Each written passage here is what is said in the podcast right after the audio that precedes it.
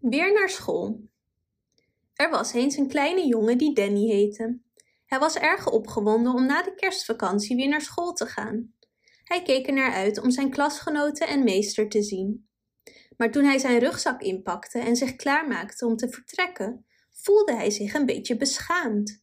Want weet je, Danny was tijdens de vakantie niet op een spannende vakantie geweest en had geen speciale uitstapjes gemaakt.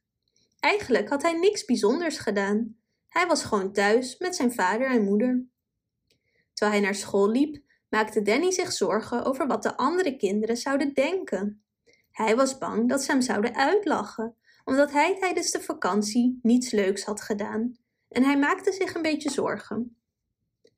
Maar toen hij op school kwam en met zijn klasgenoten in de kring zat, besefte hij al snel dat hij zich nergens voor hoefde te schamen. Terwijl de kinderen de kring rondgingen om hun verhalen over hun kerstvakantie te delen, hoorde Danny over allerlei spannende uitstapjes en activiteiten. Sommige kinderen waren op een cruise geweest, terwijl anderen waren gaan skiën of pretparken hadden bezocht. Toen Danny aan de beurt was om te vertellen, aarzelde hij even, een beetje nerveus.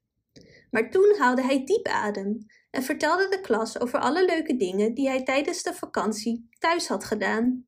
Hij vertelde over samen koken, wandelen in het bos en albums maken van oude foto's. Hij deelde zelfs enkele verhalen van zijn grootouders over toen ze jong waren. Toen Danny klaar was met zijn verhaal, reageerde een van zijn klasgenoten, een klein meisje genaamd Sarah. Wauw, Danny, zei ze, je hebt zoveel geluk dat je zoveel tijd met je familie hebt doorgebracht. Mijn ouders hebben me naar het huis van mijn oma gestuurd en hebben helemaal niet veel aandacht aan me besteed. Andere kinderen knikten instemmend en deelden soortgelijke verhalen over het gevoel van buitengesloten of genegeerd te worden tijdens de vakantie. En terwijl Danny luisterde, besefte hij plotseling dat hij zich helemaal niet hoefde te schamen voor zijn familie of zijn vakantie. Sterker nog, hij had een geweldige tijd gehad en hij had geluk zo'n hechte en liefdevolle familie te hebben. Vanaf die dag was Danny trots op zijn kerstvakantie en alle leuke dingen die hij deed met zijn gezin.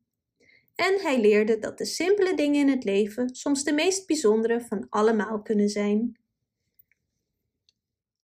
Bedankt voor het luisteren.